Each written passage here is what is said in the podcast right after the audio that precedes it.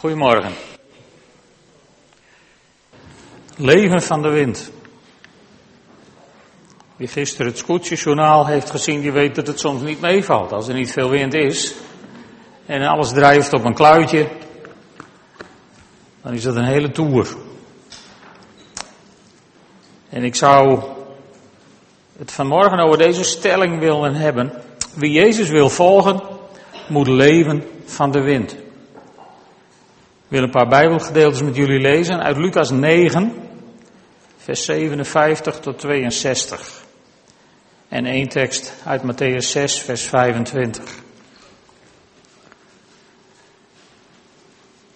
Lucas 9. Terwijl ze hun weg vervolgden, zei iemand tegen Jezus: Ik zal u volgen waarheen u ook gaat. Jezus zei tegen hem, de vossen hebben holen en de vogels hebben nesten, maar de mensenzoon kan zijn hoofd nergens te rusten leggen. Tegen een ander zei Jezus dus, volg mij. Maar deze zei, Heer, sta me toe eerst terug te gaan om mijn vader te begraven. Jezus zei tegen hem, laat de doden hun doden begraven, maar ga jij op weg om het koninkrijk van God te verkondigen. Weer een ander zei, ik zal u volgen, Heer, maar sta me toe dat ik eerst afscheid neem van mijn huisgenoten. En Jezus zei tegen hem, wie de hand aan de ploeg slaat en achterom blijft kijken, is niet geschikt voor het koninkrijk van God. En dan Matthäus 6, vers 25. Daarom zeg ik jullie, maak je geen zorgen over jezelf en over wat je zult eten of drinken. Nog over je lichaam en over wat je zult aantrekken. Is het leven, waar was ik? Is het leven niet meer dan voedsel en het lichaam niet meer dan kleding? Oké, dus als je wilt leren leven van de wind, moet je beginnen te leren om je geen zorgen te maken. Je mag wel zorgzaam zijn als een goed rentmeester en als een goed huishouder, huishoudster in je gezin. Dat wel degelijk, dat is niet wat Jezus verbiedt. Maar materiële zaken mogen je gedachten niet gaan beheersen. Jezus gebruikt hier een Grieks woord, het woord afgeleid van het werkwoord merizo.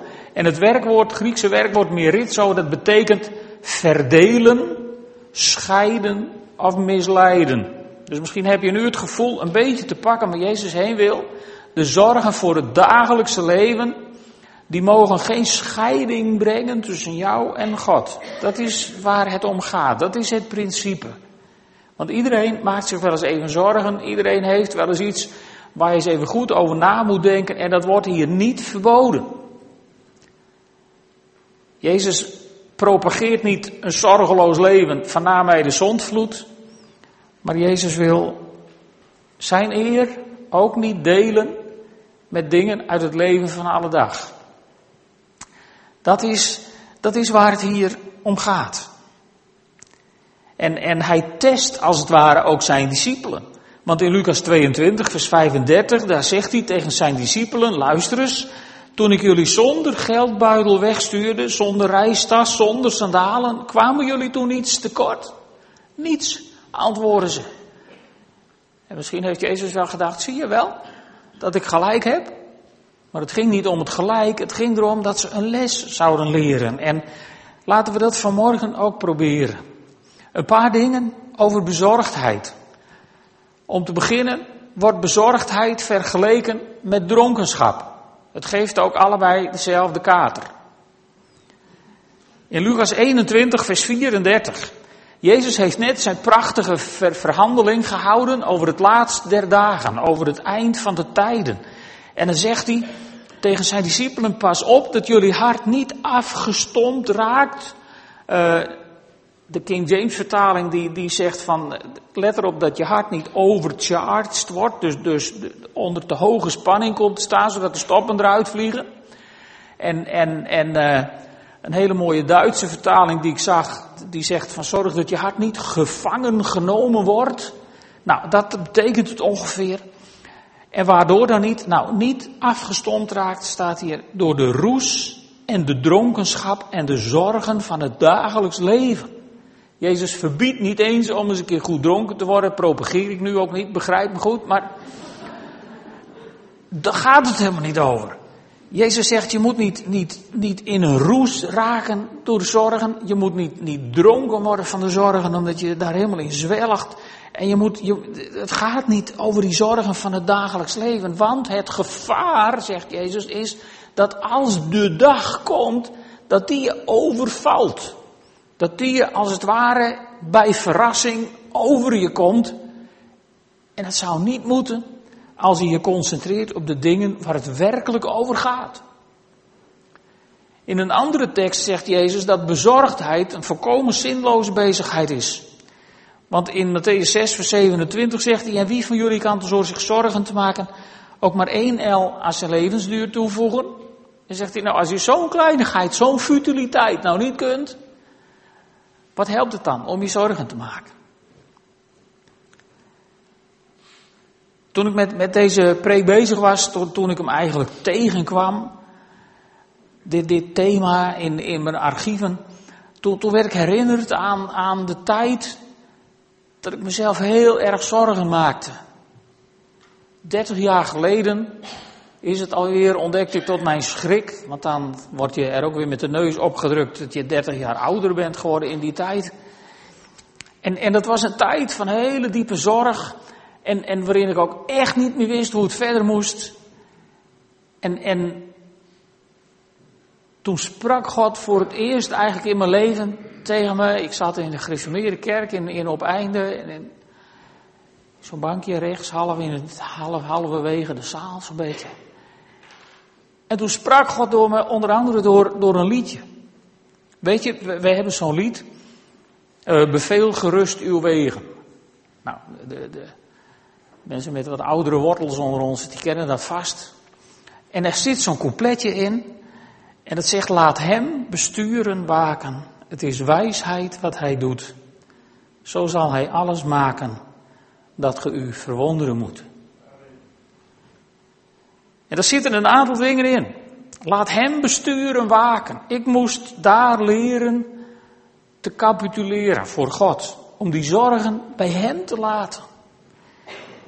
En het is wijsheid wat hij doet. Dat moest ik erkennen. Heren, uw wegen zijn hoger dan de mijne. Dat was het andere wat God tegen me zei uit Jesaja.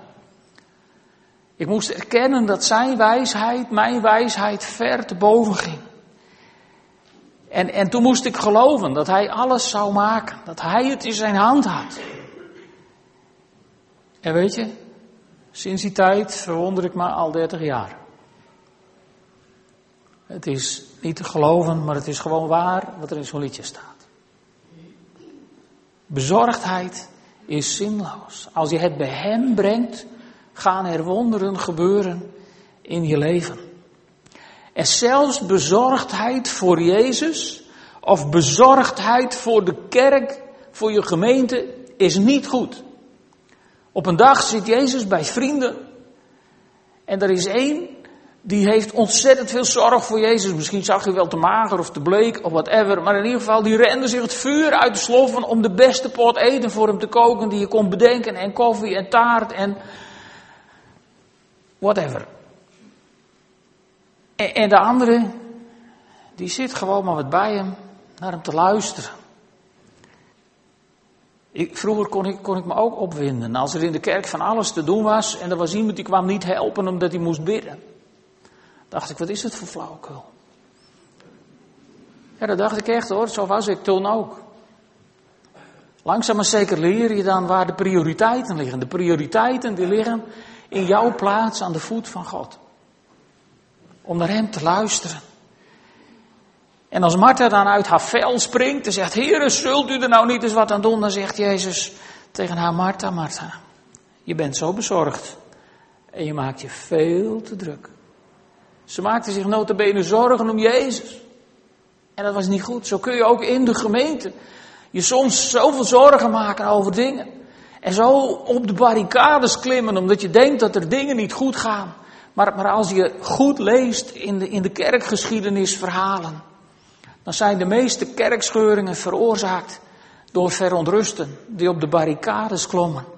En niet door mensen die op hun knieën voor de troon van God kwamen en zeiden, Heere God, ik weet het ook niet. Maar ik leg het maar in uw handen. Waarom hebben we dat zo verschrikkelijk verleerd met elkaar? Om bij God te zijn en de dingen in zijn handen te leggen. En het ook daar te laten. Bezorgdheid voor Jezus of voor de kerk is ook niet goed. En waarom niet nou zorgen? Zorgen doden het leven in je. Als Jezus de gelijkenis van de zaaier vertelt, dan maakt hij dat heel duidelijk. En dan zegt hij bijvoorbeeld in Matthäus 4, vers 19, maar de zorgen om het dagelijks bestaan en de verleiding van rijkdom en hun verlangens naar allerlei dingen komen ertussen en verstikken het woord, zodat het zonder vrucht blijft. Want al die tijd dat je je zorgen maakt, al die tijd dat je piekert over hoe het wel zou komen en hoe het misschien wel zou moeten, al die tijd dat je piekert, als je die tijd zou besteden aan het lezen van het woord van God, dan zou je eens op moeten letten wat voor geweldige ideeën je vindt in dit buitengewone beste boek van de wereld. Zorgen doden het leven in je zodat het woord zonder vrucht blijft. En dat wil je toch niet, dat het woord in jouw leven zonder vrucht blijft. Laat het dan ook niet door de zorgen verstikken. Iets anders is dat zorgen je verhinderen om Jezus te volgen. En zorgen, ik zou dat iets breder willen maken, want dit heeft te maken met prioriteiten in je leven. Jezus vertelt een, een andere gelijkenis over, over een bruiloft van de koning. En dan worden de gasten, die zijn genodigd, die worden opgeroepen van jongens, het is tijd, het feest, alles staat klaar. En dan zegt de ene, nee, ik heb net een akker gekocht die ik beslist moet gaan bekijken, die ik dus eerst moet gaan bekijken. Dat ging voor. En dat is anders zei, ik heb net vijf span ossen gekocht. We zouden nu zeggen als boer misschien van, ik heb net een mooie nieuwe trekker gekocht en die moet ik eerst uitproberen eerst wat anders. En de ander zei, ik ben pas getrouwd joh, dus ik, ik moet eerst wat leuks doen met mijn vrouw. Dat moet eerst. En dan zegt Jezus in die gelijkenis, in vers 24 van Lucas 14. Ik zeg jullie, niemand van degenen die eerst uitgenodigd waren, zal van mijn feestmaal proeven. Dus het is, het is zo gevaarlijk voor je eeuwigheidsperspectief om, om, om iets tussen jou en Jezus te laten staan. En we hebben ze gelezen. Dat Jezus zei, volg mij. En dat die persoon zegt, sta me toe eerst terug te gaan om mijn vader te begraven. En een ander zegt, sta me toe dat ik eerst afscheid neem van mijn huisgenoten. En, en later schrijft Paulus aan Timotheus, over een van zijn medewerkers en hij zegt, Demas heeft me verlaten. Hij heeft deze wereld lief gekregen en is naar Thessalonica vertrokken. Eerst iets anders. Wat kan er in jouw leven komen tussen God en jou? Denk daar even over na. Ik bedoel, als je jong bent, Demas was misschien ook wel jong. En, en ik dacht, wat zou er nou toch met Demas geweest zijn? Dat hij, dat hij Paulus verliet en wat anders ging.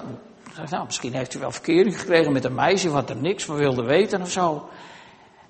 Niet dat dat direct rampzalig is. Ik heb ook verkering gekregen met een meisje wat, wat, wat niet, niet christelijk was. En op een dag hebben we ook naast elkaar gewandeld in het bos.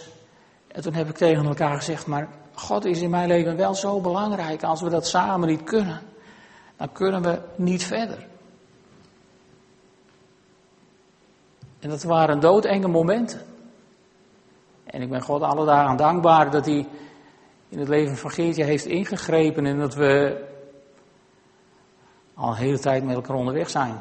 Ik zal nog niet verklappen hoe lang. Demas heeft me verlaten. Hij heeft de wereld lief gekregen. En, en Johannes Marcus, die kon niet loskomen van thuis. Was met Paulus onderweg. En op een gegeven moment zei hij, ja, maar ik, ik was ook maar bij moeder thuis gebleven. En toen ging hij weer terug. Om heimwee. Zorgen verhinderen je dus om Jezus te volgen. Zorgen maken je zelfs ongeschikt om Jezus te volgen. Want in Lucas 9, vers 62 hebben we gezien dat Jezus zei: Wie de hand aan de ploeg slaat en achterom blijft kijken, is niet geschikt voor het koninkrijk van God. Het is niet erg om een blik over je schouder te werpen. Het is zeker, het is goed om af en toe eens een blik over je schouder te werpen en je zegeningen even één voor één te tellen, dan heb je wat te doen. Maar het is niet goed om alsmaar achterom te kijken. En alsmaar, nee, vroeger hadden we, vroeger, ja, maar vroeger is niet meer. En onze toekomst ligt niet in vroeger, maar onze toekomst ligt voor ons. En daar moeten we naartoe met Jezus. Dat is ook waar Hij met ons naartoe wil. En, als je terugdenkt aan die dingen die Jezus zegt, dan denk je, goh ja, niet eens even afscheid mogen nemen van je familie. Nee, daar gaat het helemaal niet om. Maar als je, als je verhalen leest van zendelingen in, in heidense streken, waar mensen tot bekering komen en, en gedoopt willen worden, dan zijn er heel veel zendelingen die zeggen, je moet ze niet eerst terug laten gaan naar hun familie om afscheid te nemen van de familie en dan zich te laten dopen. Want een hele hoop laten zich ompraten en komen niet terug om dat te doen wat ze hebben. Je moet ze eerst dopen. Misschien dat Jezus daarom er wel zo fel op was dat hij zei, bekeer. Ze moeten zich bekeren. En Petrus die zei dat, bekeer je en laat je dopen. En ontvang de Heilige Geest. En ga dan maar afscheid nemen van je familie, want dan ben je vol van de Heilige Geest. En dan heb je niet zoveel risico dat jij terugvalt, maar eerder de kans dat misschien je familie ook nog. Nou, draaf ik misschien even door. Maar ik hoop dat je snapt wat ik bedoel. Zorgen maken je ongeschikt om Jezus te volgen. In Matthäus 8, daar komt een schriftgeleerde naar Jezus toe. En die, en die zegt, meester, ik zal u volgen waarheen, waarheen u ook gaat. Dat hebben we ook gelezen uit Lucas, datzelfde stukje. En, en dan moet je eens kijken wat er gebeurt. Jezus voert als het ware een ontmoedigingsbeleid. Je zou als Jezus, hè, Jezus had niet zoveel theologie gestudeerd, hij kon goed timmeren, maar verder was hij niet naar de Bijbelschool geweest. Alleen hij had het geluk dat hij de zoon van God was, dus hij, het, het was hem aankomen waaien, zeg maar. En de discipelen, die hadden helemaal geen theologische opleiding gehad. En dan komt er ineens een schriftgeleerde. En die zegt, ik wil ook wel meedoen. Dus je zou denken, nou die maak ik hoofd van de sectie theologie of niet? Inlijven die hap, direct erbij. En dan zegt Jezus, nou luister eens, de, de, de vossen hebben holen en vogels hebben nesten, maar als je met mij meegaat, is er geen plekje om je hoofd neer te leggen. Dat is marketingtechnisch niet handig. Dat is geen personeelswerving op die manier. Hè? Je, je jaagt ze bijna de deur uit voordat ze binnen zijn. En waarom doet Jezus dat? Nou, Jezus wil dat je weet waar je aan begint. Dat je de kosten berekent van een leven met Jezus. Eigenlijk zegt hij tegen die schriftgeleerden hetzelfde wat hij ook tegen mij ooit heeft gezegd. En vast ook tegen veel van jullie al. En anders misschien vandaag wel tegen een aantal van jullie. Van luister eens, wat is het je waard om een kind van mij te zijn? Wat mag het je kosten? Ben je bereid om al die stappen te zetten die ik in mijn woord aan jou heb voorgelegd? Wat is het je waard om een kind van mij te zijn? Want het is niet vrijblijvend. En zo gaat waarschijnlijk die schriftgeleerde niet mee. En als Jezus zegt, laat de doden hun doden begraven, dan moedigt hij ons niet aan om helemaal niet naar onze familie om te kijken. Integendeel zelfs. Maar Jezus wil zeggen, joh, laat de wereld zich nou redden met wereldse zaken. En maak jij je druk om geestelijke zaken. Mijn geestelijke vader, Piet van Zutphen, die we volgende week weer hopen te zien, die, die, die zei altijd van luister eens, in heel veel gemeentes daar is bijvoorbeeld een dominee en die wil graag een nieuwe kerk bouwen of mooi uitbreiden of mooi dit. En dan zie je de dominee mee zagen en timmeren en whatever. En zondags is er een preek, ja, die moet dan vrijdagavond of zaterdagavond nog even ergens uitgeperst worden. En, en hij zei altijd van luister eens, de dominee kan misschien wel goed timmeren, Maar zolang de timmerman niet goed kan preken, moet de dominee met dat bezig zijn waar hij goed in is. Want voor al dat andere zijn wel andere mensen. Niet dat ik daarmee het alleenrecht claim, maar ik hoop dat je begrijpt wat ik bedoel. Er is nog zo'n mooie tekst in Filippenzen 4, vers 6, waar Paulus zegt: Wees over niets bezorgd, maar vraag God wat u nodig hebt en dank Hem in al uw gebeden. Dus met andere woorden, zorgen wordt tegenover danken gezet. Het zijn ook elkaars grootste vijanden. Want in de tijd dat je zorgen toelaat om jou te bespringen, ben je niet meer in staat om God te danken voor de zegeningen die je hebt. En wat is het bevrijdend om God midden in je zorgen te gaan danken voor de oplossing die je van Hem verwacht. De zorgen die verschrompelen er als het ware door, ze zijn niet weg, maar het zijn niet meer van die monsters die je dreigen te bespringen. Nee, de Bijbel is wel slim wat dat betreft.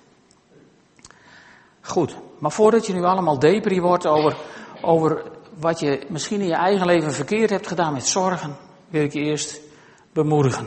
God wordt niet boos als hij zich een keer zorgen maakt, maar God wil je tegemoet komen en, en je bemoedigen. En er is een prachtig voorbeeld van in de Bijbel, wel meer, maar deze die steekt er met kop en schouders uit voor mij. En dat is het verhaal van Elia. 1 Koningen 19 kun je dat vinden in Elia. Elia, een geweldige man van God. Een profeet.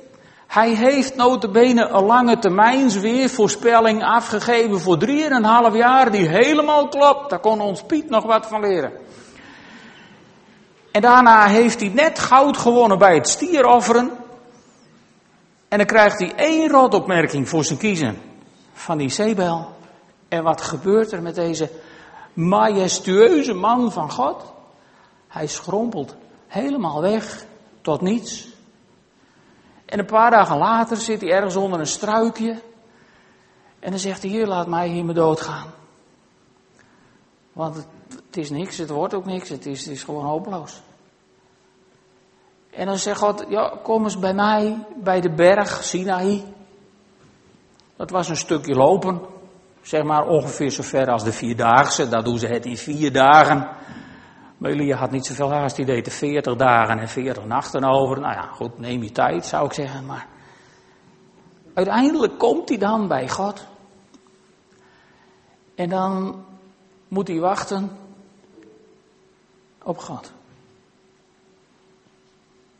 En ik denk dat Elia heel goed heeft begrepen dat God niet blij was met het feit dat hij zich zo had laten pakken door die rotopmerking van die zeebel. En daardoor had vergeten de grote daden van God in zijn leven. Hij was even vergeten zijn zegeningen te tellen één voor één. Hij was even blijven zitten bij dat wat tegen hem gezegd werd. En ik denk dat Elia daar zat op die berg, doodsbenauwd voor wat er zou komen. En dan komt er een zware storm die de berg in stukken splijt en die, die, de, de, de stenen die vliegen hem om de oren. En Elia die denkt, oh God, zie je wel, zie je wel. Maar dat was niet van God. En dan komt er vuur, zeg maar bliksem van de hemel die inslaat vlak voor zijn voeten. En hij, hij denkt, oh my God, zie je wel. En nee, dat was ook niet God. En dan komt er een grote aardbeving. En jullie denken, oh, zie je wel. En dat was niet God. En toen kwam er iets heel lieflijks voorbij. Iets heel teers, het zuizen van een zachte koelte, zegt de Bijbel. En ineens wist hij het zeker. Dit is hem. Dit is hem. Hier is God. En Elia, zie je hem zitten. Die zat daar op die berg zo. En zou het helemaal niet meer zitten. En die wist dat hij het verbruid had. En die dacht, oh God, hoe zal dit ooit komen? Zie je hem zitten? Helemaal. En dan komt God in die hele zachte koelte. En die komt naast hem zitten. En die zegt, wat was het toch jongen? Vertel het eens aan vader. En dan vertelt Elia zijn verhaal. En hij zegt, ik ben helemaal alleen overgebleven, ik ben zo zielig. En hij krijgt geen reprimande. Hij krijgt niet op zijn donder van God. God gaat ook niet met hem in discussie over gelijk of niet gelijk. God zegt, ja nou joh, dat alleen, dat valt wel wat mee. Ik heb er hier en daar nog wel een. Maar weet je wat? Weet je wat? Laat ook maar. Ik wil je troosten. En dan heb ik een paar leuke dingen voor je te doen. En dan mag Elia erop uit. Maar hij had wel geweldige dingen gedaan. Tuurlijk, die offerwedstrijd daar op die berg, die was bepaald indrukwekkend. En, en, en drieënhalf jaar droogte me voorspellen, dat was ook wel indrukwekkend. En hij had nog wel wat wondertjes op zijn naam. Maar hij had nog nooit een profeet voor de Heer mogen uitkiezen en die zalven tot zijn opvolger. Dat mocht hij nu gaan doen. En hij had nog nooit een koning gezalfd in Israël. Dat mocht hij nu ook gaan doen. Hij mocht een koning zalven voor het noordelijke rijk. Hij mocht zelfs, zeg maar, een opvolger voor Assad salven, een nieuwe koning van Syrië. Hij mocht dingen doen die had hij nog nooit mogen doen. Dingen doen waar hij, waarschijnlijk toen hij onder die bremstruik dacht, laat mij hier maar doodgaan. Waar hij nooit meer aan had gedacht dat God zo genadig voor hem zou zijn. En misschien zit jij ook wel in een fase waarin je denkt, God ja, ik heb zoveel zorg toegelaten in mijn leven. Ik heb, Heer, ik heb het zo verbruid. Heer, ik heb het zo uit mijn vingers laten vallen. En dan wil ik namens God tegen je zeggen, joh, kom even zitten naast de vader. Vertel hem nou eens even wat je zo dwars zit. Waar je zo'n last van hebt.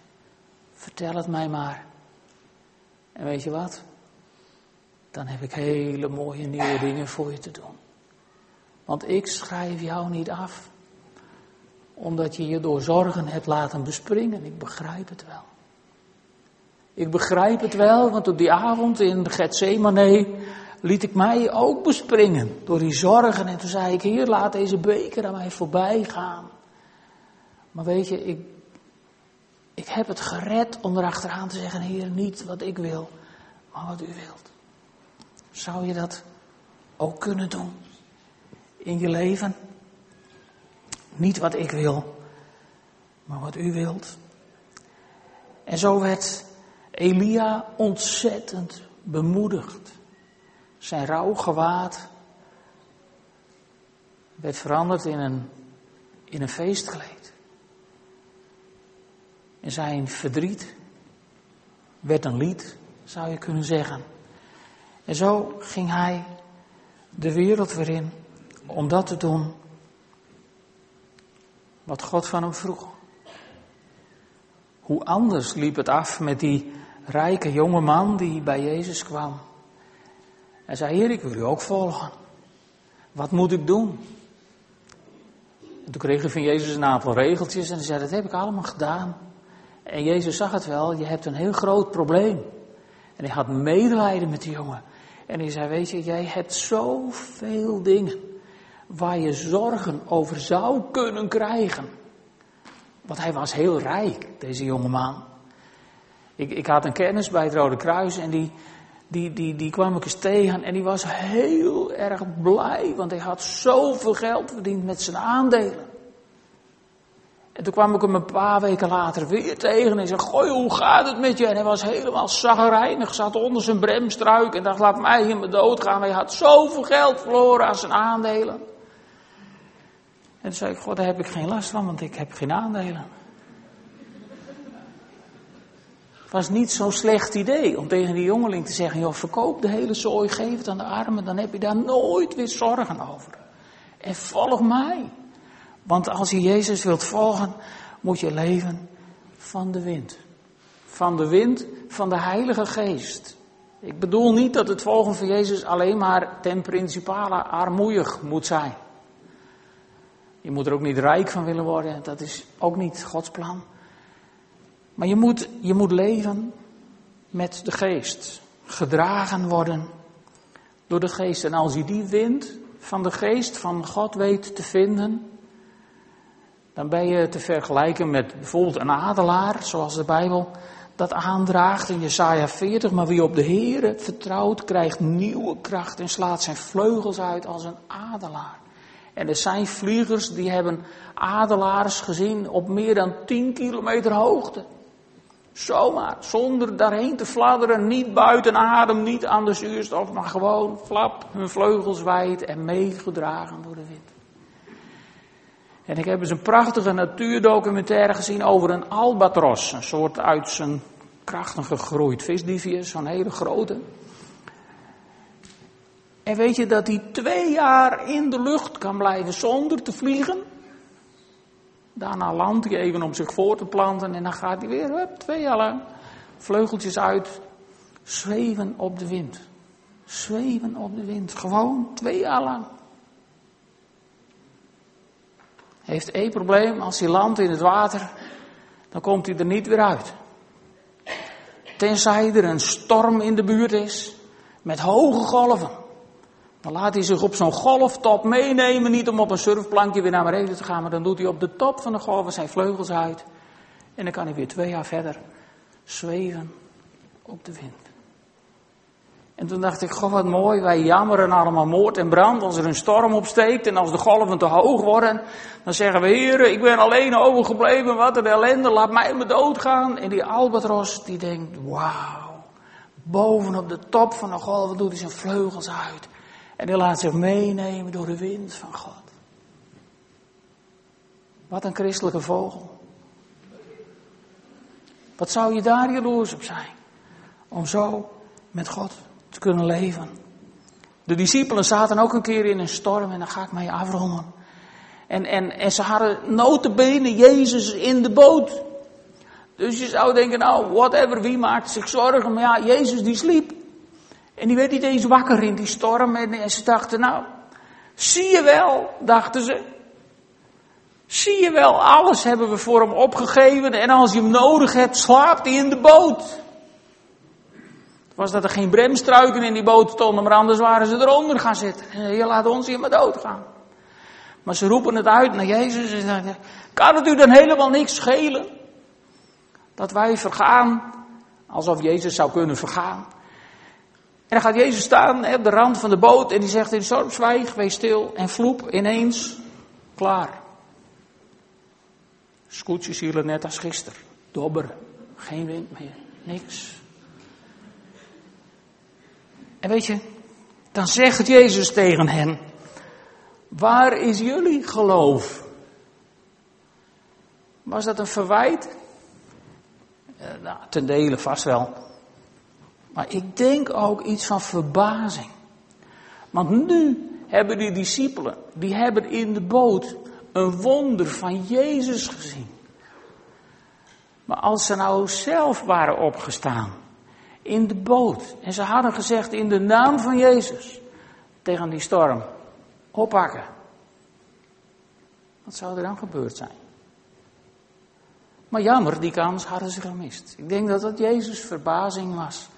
Van joh, dit was je kans om op de top van de golven je vleugels uit te spreiden en meegenomen worden op de wind.